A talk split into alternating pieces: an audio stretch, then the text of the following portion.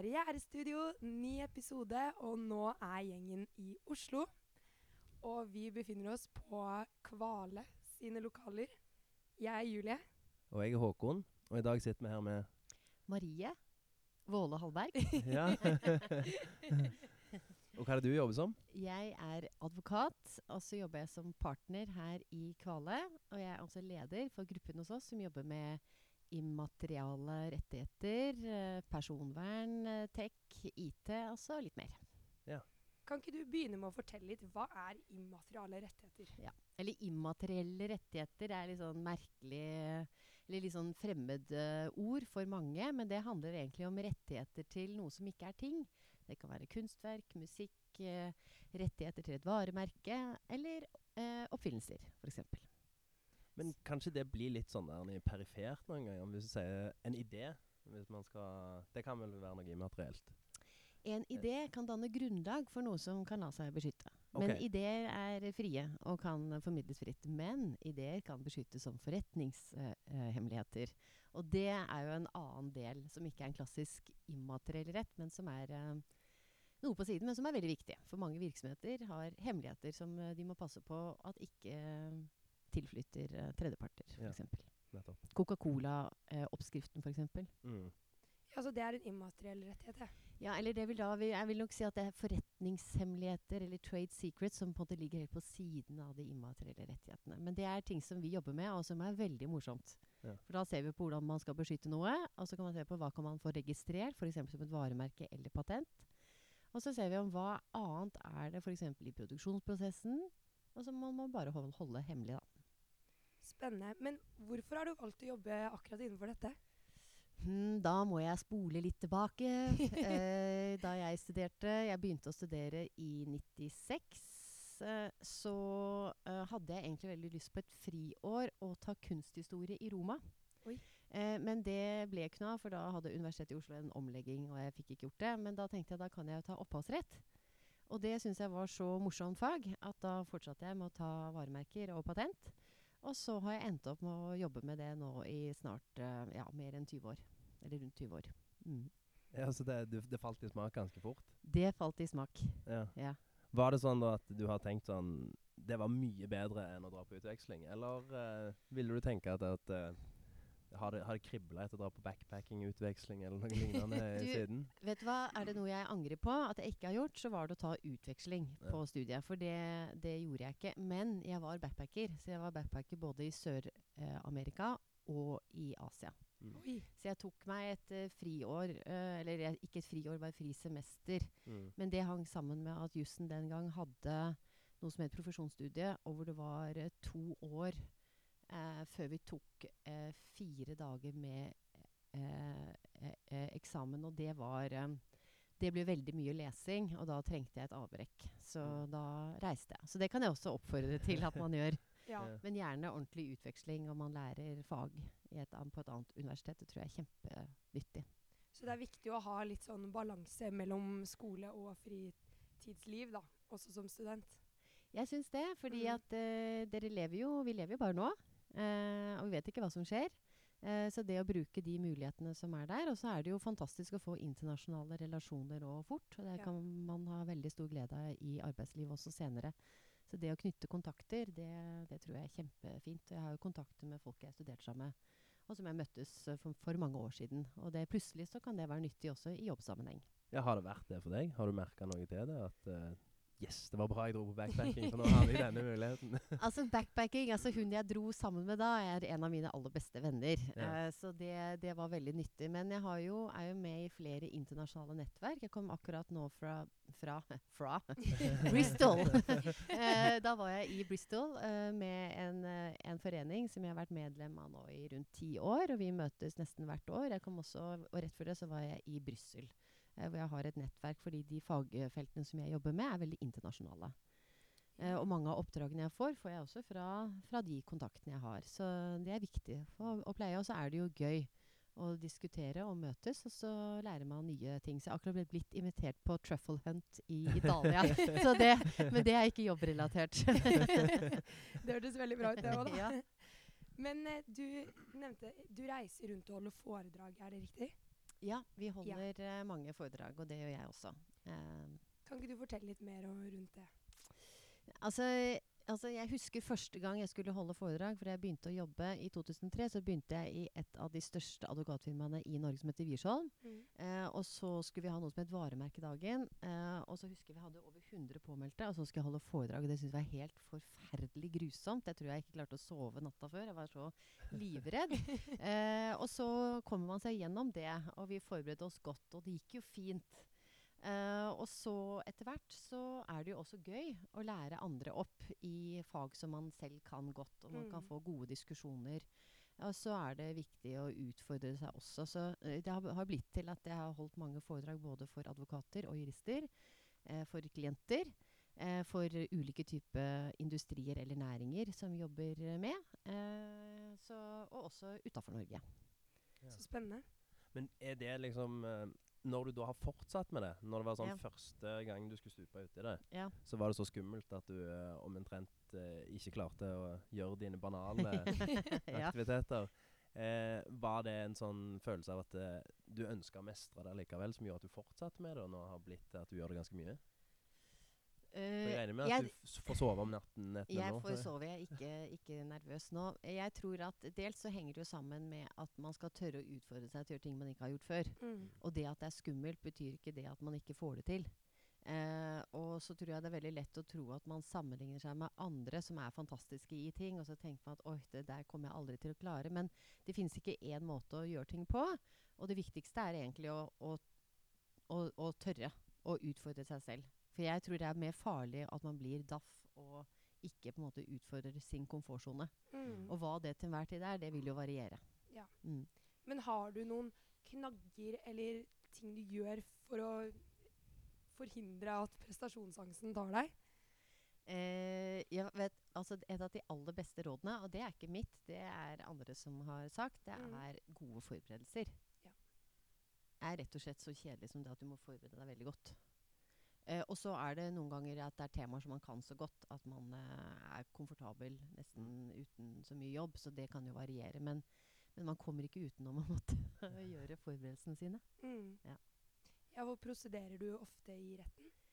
Jeg kan gjøre det enda mer enn det jeg gjør i dag. Jeg syns det er kjempegøy Ja. eh, og slitsomt. Eh, men det kan jo sammenlignes litt også med det å holde foredrag. Det er en stor prestasjon. Eh, samtidig som resultatet blir jo viktig, for du representerer en klient, og du ønsker å, å vinne saken selvfølgelig på vegne av din Mm. klient. Mm. Ja, for det tror jeg i hvert fall mange jusstudenter kvier seg litt for med tanke på arbeidslivet etter studiene. Dette med å stå i retten, at det kan virke ganske skummelt. Men det er kjempegøy. Og jeg var med på noe som het altså prosedyrekonkurranse. Oh, ja, var Eh, du? Ja, eh, og jeg kom til finalen. Eh, Riktignok så vant vi ikke, men det, og det tenkte jeg altså, det turte jeg jo ikke. Men så ble jeg jo spurt, og så ble jeg med. Ja. Og det er en kjempefin måte også å teste ut. Hvordan, hvordan syns jeg det er? Å prøve og feile. For det er jo et fora hvor man kan gjøre det med venner, og det er liksom Jeg skjønner at man står foran studenter, og, og det er litt press, men det er en kjempefin måte å utfordre denne komfortsonen på. Så kult.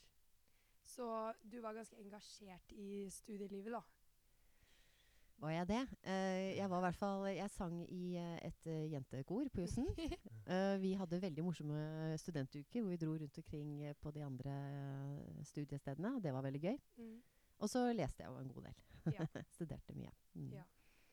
Ja, for det lurer jeg litt grann på. Når, når du er en person som har kommet deg opp, gjort, blitt partner i et Mm. stort selskap, og ikke minst da starta i et av de største selskapene i Norge Jeg var og spiste med svigerfar her for litt siden, og han sa at, eh, som er finansmann, og jobber en del med eh, advokater som deg sjøl, og sier jo det at eh, en del av disse menneskene fremstår litt som supermennesker.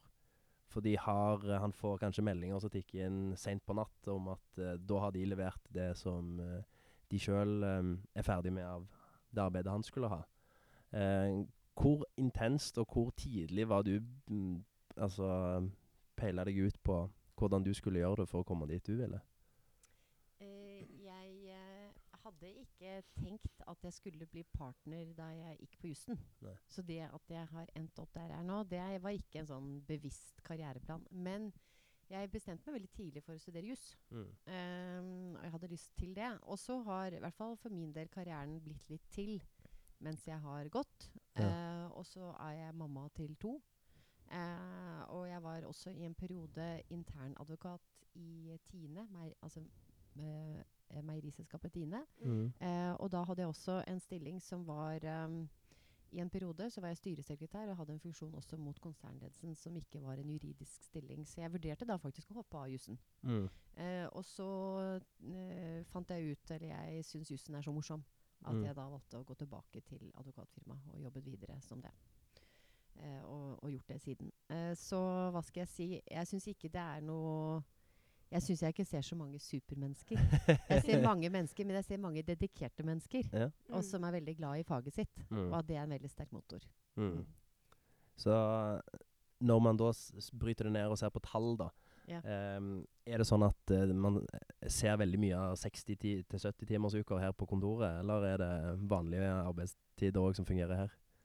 Ja, altså jeg tenker at eh, det er noe med hva man gjør i snitt, og hva man gjør i ekstreme perioder hvis man er i retten. Hvis Ja. du går i retten, så, så kan det være veldig lange arbeidsdager. Men det er jo ikke det de fleste av oss gjør Mm. hele tiden. Ja. Eh, det kan være andre prosjekter også som drar på. Men vi i Kvale i hvert fall er jo veldig opptatt av at det skal være mulig også har et liv ved siden av. Mm. Og vi er jo et av de advokatfirmaene nå kommer det nesten som reklame her, men som har flest kvinnelige partnere. Ja. Og det er en grunn til vi har det. Ja. Ja. Og de kvinnelige partnerne gjør det jo veldig godt i sine fag. Mm.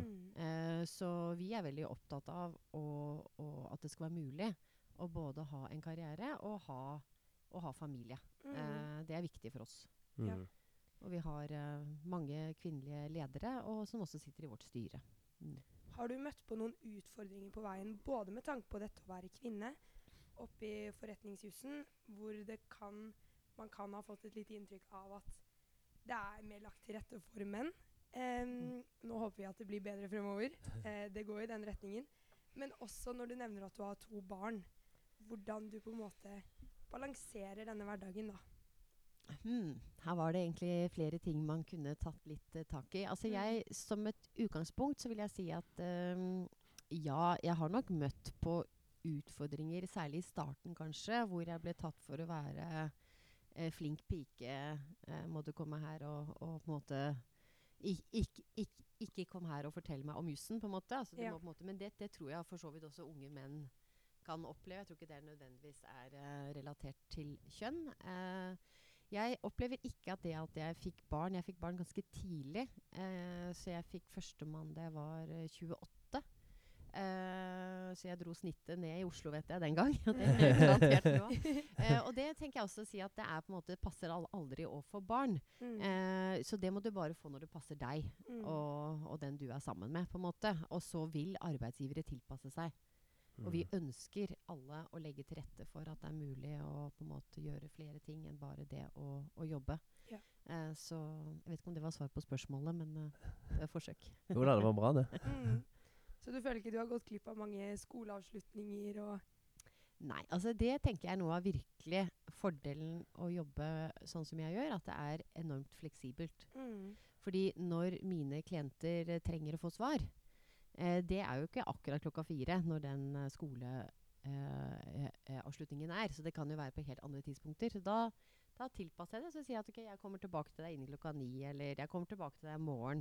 Og det er faktisk sånn at mange klienter sier at det er, altså dere advokater, dere svarer med en gang, men jeg, jeg vil være fornøyd med å få et svar i morgen. Ja. Eller dagen Mm. etter.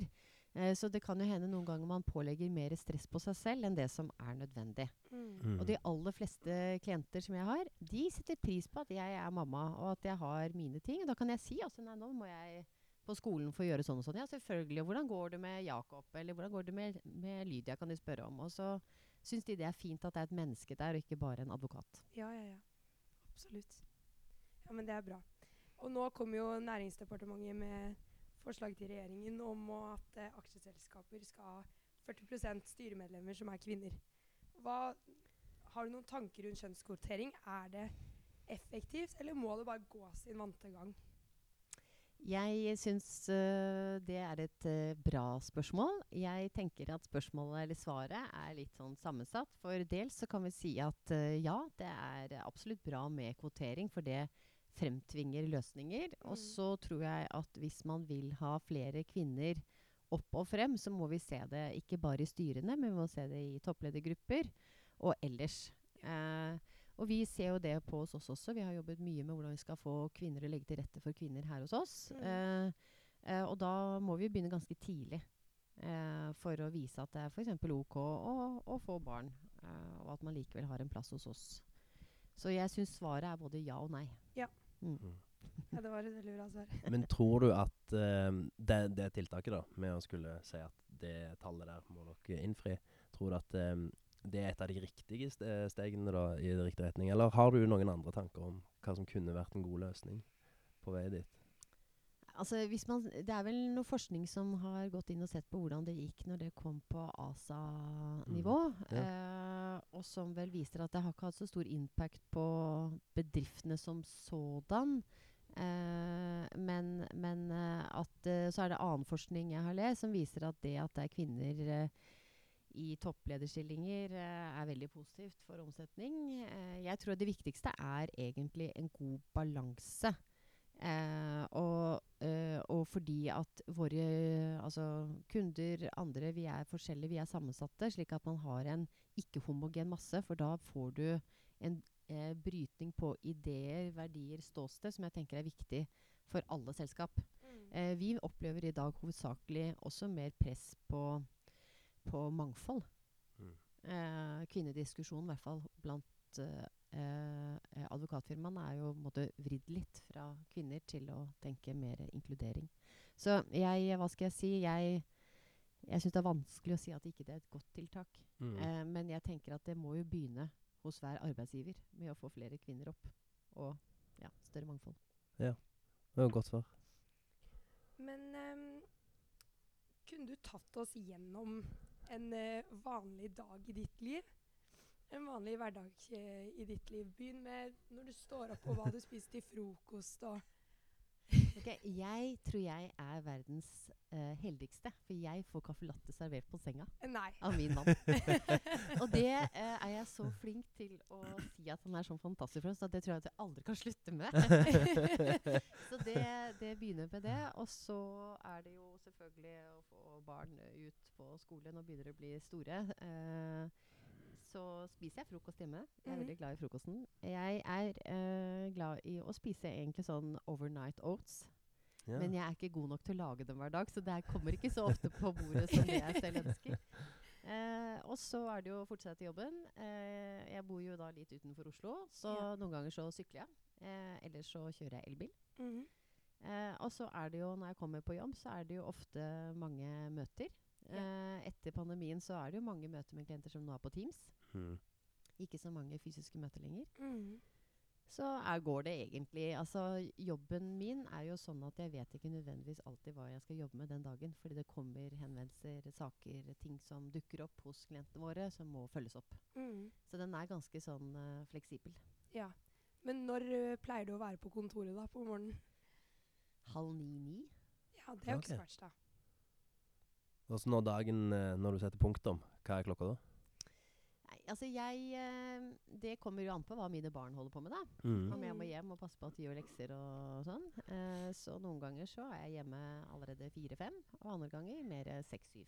Ja. Mhm. Eh, og så må jeg jo ærlig si at jeg svarer antageligvis på en del e-poster i løpet av kvelden. Ja. Mm. Eh, men også behov for det vil jo variere. Ja. Mhm. Ja. Men klarer du å legge fra deg jobben når du f.eks. reiser på ferie eller på hytta i helgen? Klarer du å legge det vekk? Og har du noen tips til hvordan man på en måte kan koble av? Også til da studentene som fort kan eh, ha, kjenne på dårlig samvittighet. At de ikke sitter og leser Mm. Ja. i helger og Altså Til studenter vil jeg si at altså, hjernen trenger jo avkobling. mm. Eh, så for å prosessere kunnskapen, så for det første, sov nok. Ja. Forskning viser at eh, hjernen trenger søvn for å fungere optimalt. Mm. Eh, og dårlig samvittighet, det har jo aldri på en måte tjent noen enn at du får dårlig samvittighet. Så Mm. det vil jeg også tenke at det, det må du legge vekk. Jeg synes at eh, når man begynner å jobbe, så vet jeg jo at man kan være, eller mange er litt stresset. For de vil prestere og svare og i det hele tatt eh, Mm. følge opp raskt. Eh, og da tenker jeg at eh, noen ganger så er det, i hvert fall hvis jeg får mailer sent fredag eller lørdag, så svarer jeg bare kjapt 'takk, jeg har sett det, jeg kommer tilbake til deg tidlig på mandag'. Mm. Så kan jeg bare mentalt si 'jeg har svart, jeg har ikke vært treig, men jeg får det unna'. Og det får jeg gjort unna på noen sekunder. Mm. Mm. Eh, og så er det virkelig noe som brenner. Ja vel, så brenner det. Og da følger jeg opp. Men, men jeg har jo brukt noen år på å på en måte finne en balanse i det. Så det å øve på det, også når man er student, at nei, nå har jeg fri med god samvittighet, det er, eh, det er lurt. Men du høres jo ut som du har klart å sette opp systemer for å få dette til å flyte greit nå, og klare å koble av. Var det mer utfordrende når du var student? Mm, da jeg var student det var Eller er før, du bare eh, flink det på var før? TikTok og alle mulige sånne telefoner, så jeg eh, hadde ikke den type avspredelser som eh, Mm. tok opp eh, kapasitet. Men altså, jeg tror at det er viktig å snakke med vennene sine også, ja, hvis man sliter med noe eller syns noe er vanskelig. Eller det kan jo være stress før eksamen, eller Altså det å snakke om ting. Mm. Å ha noen man er fortrolig med, kan si at åh, nei, nå syns jeg det var tungt. Og så kan hende det er nok til at man tenker at nå kom jeg videre, og nå fikk jeg lagt det bak meg. Ja. Mm. Men som ny i arbeidslivet, da, var det vanskelig å si nei til ting? Og følte du at du på en måte måtte ta på deg alt du ble spurt om og ja. ja. Ja, det opplevde jeg jo absolutt. Ja. Uh, og, og det er jo eh, helt Altså, det er en del av det å lære seg å jobbe. Og det er en Mm. overgang fra man er student Mm. Eh, og man vil så gjerne vise at man klarer å være flink og får det til og sånn, men eh, det er veldig lurt å snakke med lederen sin og få hjelp hvis man skjønner at nå baller det på seg. mm.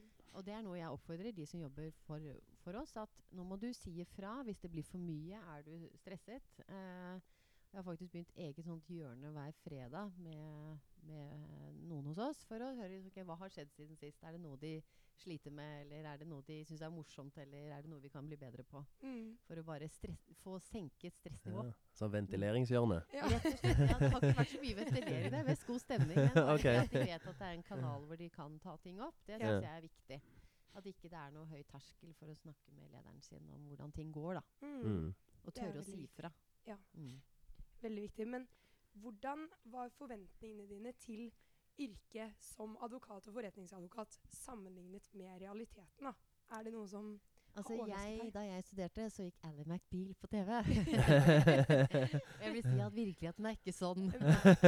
Eh, men eh, Nei, hva skal jeg si? Jeg, jeg tenker at jeg trodde Jeg trodde kanskje at det var eh, enda mer action, kanskje. Altså man, Mm. eh, man tenker på advokater, og det går i retten, og det er liksom eh, Og det gjør jo mange. Eh, Mm. men det er veldig mye eh, vanlig arbeid også på kontoret, og som er veldig morsomt og, og gøy. Men det er, på, det er kanskje ikke Jeg føler ikke hver dag at jeg er en actionfilm, kan jeg si.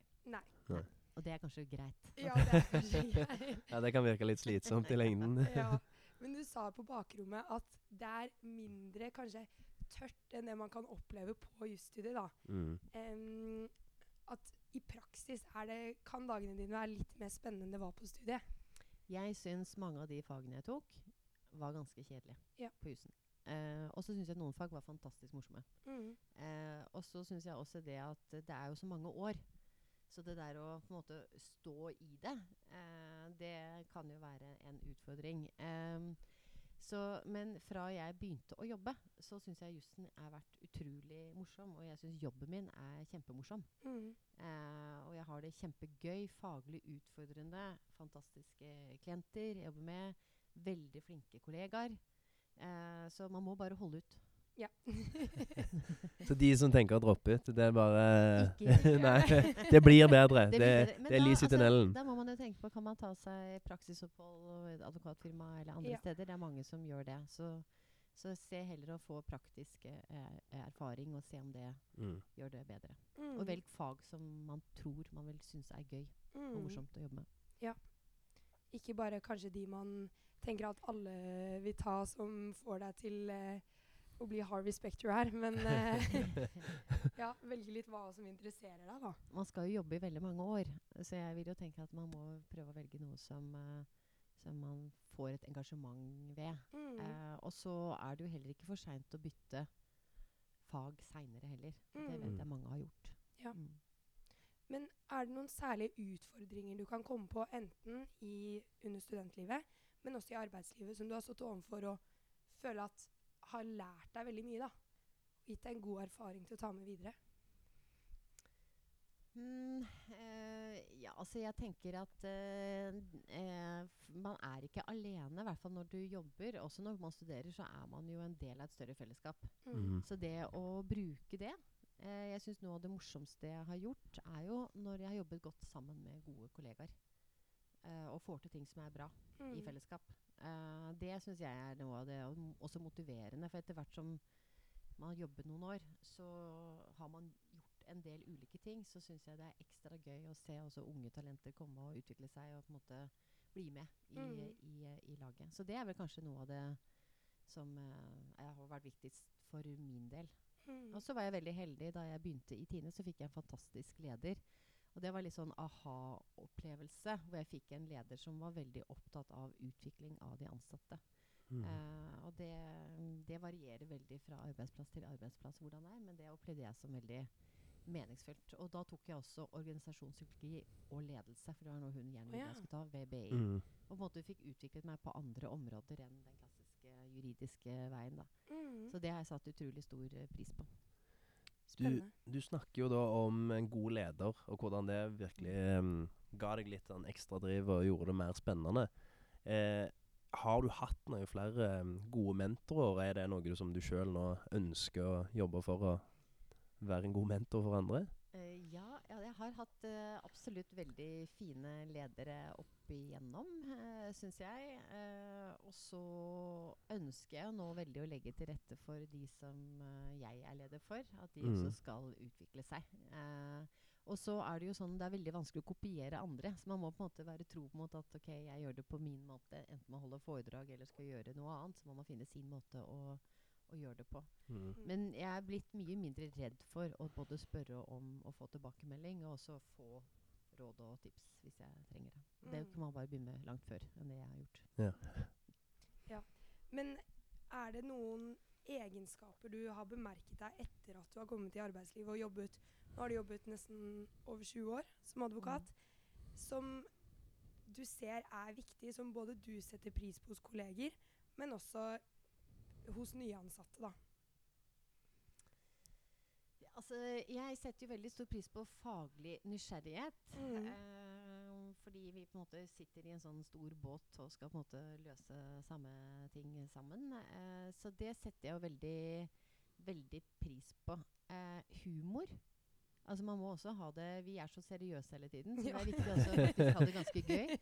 Eh, så ikke ta seg selv så selvhøytidelig. Det Mm. syns jeg er, eh, er viktig. Eh, og så syns jeg jo at eh, det å ha gjennomføringskraft eh, i hvert fall har vært noe av det som har tatt meg igjennom. At jeg har ikke gitt opp, at jeg har stått på. Mm. Ja. For jeg tenker jo at eh, når man snakker om eh, at noen ganger kan det være mye eh, Er det sånn at eh, man har opplevd at en del folk som har følt sånn at eh, det har blitt litt overveldende òg i perioder? Og det har Du snakker om den gjennomføringsevnen, at den har svint litt hen hos noen som vanligvis leverer? Ja, altså jeg, Det har det helt sikkert eh, gjort ehm, eh, hos eh, en del. Jeg tenker at Hvis du har hatt en periode hvor du jobber mye, så tenker jeg jo som kollega så må man jo da spørre hvordan går det. Mm. Det kan jo hende man rett og slett må ha noen fridager for å hente seg inn igjen. Mm. Eh, for det, det er jo ikke noe verdt å gå på veggen og brenne kruttet helt. Mm. Eh, så det er viktig. Så det å være en god kollega tenker jeg jo da er viktig hvis man ser at nå er det noen som har drukna i jobb. Mm. Og så er det jo leders oppgave å, å hjelpe til med at oppgaver legges slik at flere kan bidra. At ikke det er noen som skal tøys, ta støyten. Mm. Så det mener jeg også at det er en lederoppgave. Mm. Sett bort fra det at du gjerne skulle dra på utveksling. Er det noe annet du ville gjort annerledes i løpet av karrieren din? Jeg, som, eh, siden vi først eh, snakker om jussen, så Ja. skulle jeg gjerne vært dommerfullmektig. Det tror jeg er kjempegøy. Eh, men det er liksom eh, Jeg vil ikke si at sønnen min ødela det, men jeg fikk jo førstemann ganske fort. Ja. Eh, og da, da ble jeg liksom litt mer stuck til, eh, til Oslo-regionen. Men det tror jeg er kjempegøy Mm. faglig eh, sett. Eh, jeg syns også det at uh, jusstudenter i dag bør orientere seg utafor Norge. Mm. Mm. Mye av reglene vi tar inn i Norge, er EU er EU-basert. Og Ja. vi har faktisk ansatt en dansk eh, eh, advokat, og som fant kjærligheten her i Norge, og Oi. som har blitt norsk advokat nå. Ja. Så det er mulig å på en måte bevege litt på seg, selv om man tenker at jussen er veldig nasjonal. Da. Ja. Så går det fint. Det tenker jeg. Hvor mye tenker du der at man må justere da for at man skal kunne da tilpasse seg et eh, en, en annet land? Så jeg, jeg tenker òg at uh, det nordiske henger jo litt mer sammen. Men hvis du skulle begynt å praktisere i USA, hvor mye måtte du ha gjort om på USA, da måtte jeg gjort om uh, mye, sikkert. Eh, Mm. men, eh, men sånn som eh, immaterialretten er jo basert i veldig stor grad både på mm, internasjonale konvensjoner og EU-rett. Mm. Så mange av prinsippene er eh, identiske, og Mm. vi skal praktisere det likt som i EU. Ehm, innenfor konkurranserett eh, så er det veldig like bestemmelser. Eh, så kan det jo selvfølgelig være fag som gjør at det er større forskjell. Mm. Så det er ikke Mm. gitt. Men innenfor mitt eh, felt så er det ganske enkelt. Og så kan man jo si at språkbarrieren i Norden er veldig liten. Mm. Eh, både vi da, altså da, da jeg studerte, så hadde jeg flere mm, lærebøker på dansk og svensk. Mm. Oh, ja. Vi leste litteratur og danske dommer, svenske dommer. Altså. Så, men det kommer jo an på akkurat hvilke områder man er innenfor. Men, men altså er det Jeg vet ikke hvor stor andel av lovverket i Norge som er, er EU-basert hvert år, men det er veldig, veldig stor andel. Ja. Mm. Så det å på en måte lære seg eh, å anvende EU-reglene på en god måte det, Mm. Man kan jo tenke seg å jobbe i EU-kommisjonen eller andre steder som også kan være veldig nyttig. Da. Ja. Og som er fint før man får familie. Og ja. Men er det, en, er det en sak du kommer på som har vært spesielt interessant eller utfordrende, eller En sak ehm, eh, Den er konfidensiell. det kan jeg ikke snakke om. Men eh, jeg, jeg har egentlig jobbet med veldig mange morsomme saker opp igjennom eh, Mm. som eh, har sikkert preget meg og, og holdt meg våken. eh, alt avhengig som. Men, eh, men det er mange, altså. Ja. Det er mange vi ikke kan snakke om. ja, jeg er underlagt advokatetiske advokatetiske regler om taushetsplikt, og også ja, det er straffbart. Men jeg kan vel kanskje skyte inn med sånn litt sidespørsmål på akkurat det. Og lurer på hva eh, sånne utfordringer som du kanskje syns er mest spennende, da. Eh, å gripe tak i med en vanskelig sak. For det er vel noe av det som er gøy òg, selv om det er litt utfordrende til tider. Yep. Eh, vi ser jo bare at da, det er jo muligheter, da, ikke Ja. utfordringer. Eh, Ja, ikke nei, sant? Altså jeg jeg syns jo um, noe av det mest uh, interessante eh, kanskje, er at når du får en problemstilling, så er den alltid litt forskjellig fra den du har hatt før. Ja. Veldig sjelden er det samme. Mm. Så det er alltid liksom et nytt faktum, eller det er en annen vridning, og er ikke alltid at regelverket passer. Mm. Så hvordan du da skal navigere da, Så jeg s liker jo å tenke at også jussen er ganske kreativ. Mm. For du har en verktøykasse med regler, og så skal du anvende de på en måte som er skjønnsom og smart og innimellom taktisk. Ja, OK. Men har du en læresetning eller et godt råd som du føler passer deg, og som du gjerne skulle formidle til de stressa studentene der ute som driver med traineeships og internships og Ja. Eh, jeg uh, tenker hold ut. Uh, og så så jeg en fantastisk reel forrige uke mm. eh, med en sånn indisk guru som sa at noen dager is a bad day. Bare la den være en bad day, og så gå ut og, eller gå og legge deg, og så står det opp neste dag, og det er en ny mulighet. Mm. Så ikke, ikke gi opp. Det Ja. kommer bedre dager. Ja, det er ikke farlig å gjøre feil. Ikke farlig. Det lærer man bare av. Ja. Eh, og det er mange som sier at ved å gjøre feil Altså hvis ikke du gjør feil, så gjør du ikke nok. Mm. Ja, OK. Så du må på en måte du må, du- eller, altså Det er jo satt på spissen, selvfølgelig, men, men du, må, du må bare ikke la deg knekke at du da har gjort noe Ja. som er feil, eller at du føler at da gjorde jeg ikke godt nok. Da må du bare tenke at da, da står jeg på neste dag. Mm. Mm. Så hvis du vet at du gjør en del feil, så har du eksponert deg nok. Så da, da, Da er det bra. Da, da er Men du altså, hva er feil? da? Det kommer jo an på hvordan Ja. man føler det. Men jeg syns at uh, det er uh, Og så tenker jeg det at du er god nok sånn som du er. Du Mm. trenger ikke bli en annen eller kopiere noen andre. Du er god nok sånn som du er. Mm. beholde selvfølelsen. Yes, det Mm. tror jeg er kjempeviktig. For det er så mange fantastisk flinke rundt en hele tiden. Og man kan bli ganske sånn stresset. Men du er også flink. Det er lov å tenke Mm. seg selv. Ja. Men føler du at i en stressende hverdag Du har sikkert mange oppgaver. og Altså, Klarer du å forsone deg med at man ikke kan levere 100% hver eneste gang? For du nevnte dette flink pike-syndromet og Er det liksom Klarer du å roe deg ned ved at noen ganger så blir ting levert litt halvveis? Det er um, stor forskjell på om det er eh, ting som skal gå til klienter, Ja. eller om det er interne ting, eh, selvfølgelig. Mm. Um, men det jeg har lært meg, er at det er mange ting å gjøre ting på som også er bra. Mm. Uh, og hva som er For det du egentlig er inne på, er hvilken standard du har satt til, til, deg selv på hvordan du vil levere. Mm. Mm. Og så kan godt hende den standarden er satt for høy. Og at det du leverer på, er dritbra. Ja. Eh, men at du vet at du kunne gjort det enda bedre. Men det er, vil, det, er det noen, aldri noen som kommer til å tenke på. Mm. Så det er også viktig. at I stedet for å slite seg ut, at du tenker at men nå, nå er jeg faktisk fornøyd. Egentlig så er jeg fornøyd. Dette er blitt bra. Mm. Og da må man sette strek der. Når Godt nok er godt nok. Det trenger ikke være perfekt.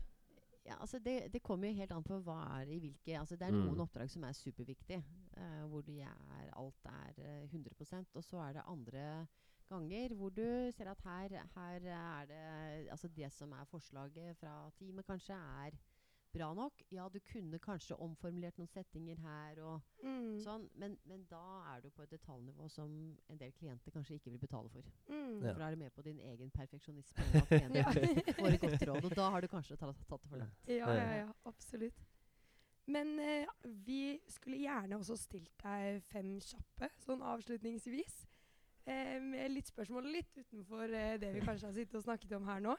Er du klar for det? Eh, Ja, jeg Ja. håper det. eller kanskje, eller nei. ok, første spørsmål er drømmeferien. Hva er den? Drømmeferien eh, min nå Nå har jeg siden altså etter pandemien, så er det et land jeg har veldig lyst til å reise til, og det er Vietnam. Oi. Så vil jeg si at det, det tror jeg er kjempegøy. For selv om jeg har vært backpacker i Asia, så har jeg ikke vært der. Så kult. Så det kunne jeg godt tenkt meg. Håper jeg vi- du får dratt dit. eh, dersom du skulle valgt et annet yrke, hva ville det vært? Da jeg var liten, så Eller jeg fant en tegning for en del år siden eh, om hva du vil bli når du blir stor. Mm. Der sto det eh, advokat og arkeolog. Oi! Kanskje svaret er Jeg vil bli som Thor, uh, Tor uh, Heidal. ja. Så det er kanskje mitt sånn skjulte yrke. Der jeg vil. Men nå er det så mye som er oppdaget. Og, så at det Ja. er litt, eh, men kanskje det er mye vi ikke vet om. Grave litt i hagen, kanskje. Ja, i hagen. Du graver jo fram litt eh, gjennom advokatyrket òg, så kanskje du har funnet en liten arkeolog der òg. ja, kanskje det. Ja. tre ting du ikke kan leve uten. Kanskje det var vanskelig å velge Ja. bare tre. Jeg eh, eh, Kaffe latte på morgenen, Mm. naturligvis. Og så er det jo selvfølgelig familie og venner. De må være med. Mm. Eh, selv om det kanskje ikke er sånn klassisk ting. Telefonen er så kjedelig ting å si at jeg vil si heller da sjokolade. Jeg elsker sjokolade. Det jeg, kan jeg, jeg kan leve veldig lenge på caffè latte, sjokolade og venner og familie. Da er jeg Em, beste og verste med advokatyrket? Uh, fleksibiliteten er antageligvis det beste og det verste. Mm. Uh, eller altså fleksibiliteten fordi at uh, du rett og slett kan tilpasse når du jobber. Mm. Eh, men så må du være tilgjengelig. Mm. Eh, så det er et sånt eh, knivsegg. Men man må ta det til det positive, da. Ved at det faktisk er også ganske fleksibelt. Ja. Det tror jeg En, også kan en, en tannlege må jo være på jobben fra gitt tidspunkt og gå Ja. på et gitt tidspunkt. Men, eh, men eh, i hvert fall yrket mitt, der kan jeg jo legge litt til rette. Mm. Mm. Litt hjemmekontor òg. Absolutt. Og det har Mm. vært veldig viktig når jeg fikk eh, barn og hadde andre behov for å følge opp de på en god måte. Mm. Mm. Så fint. Og siste, hva er ditt beste tidsfordriv? Det er eh, bam, bam, bam, bam, bam. Det er å se auditions på Idol og Med flinke sangere, da. Ja, du Altså, liker de det- flinke. Ja, ja, Ja. jeg syns det var veldig gøy i starten med de som ikke var så flinke også. Men, men, eh, men det, liksom, uh, for de er jo så fantastiske når de går ut på scenen og er livredde. Og hvis de synger godt, det syns jeg er kjempegøy. Ja, ja. så fin. Eh, tusen takk for at du tok deg tiden til å snakke med oss i dag. ja, tusen Bare takk for praten. Det har vært veldig spennende. Tusen takk. Takk for meg.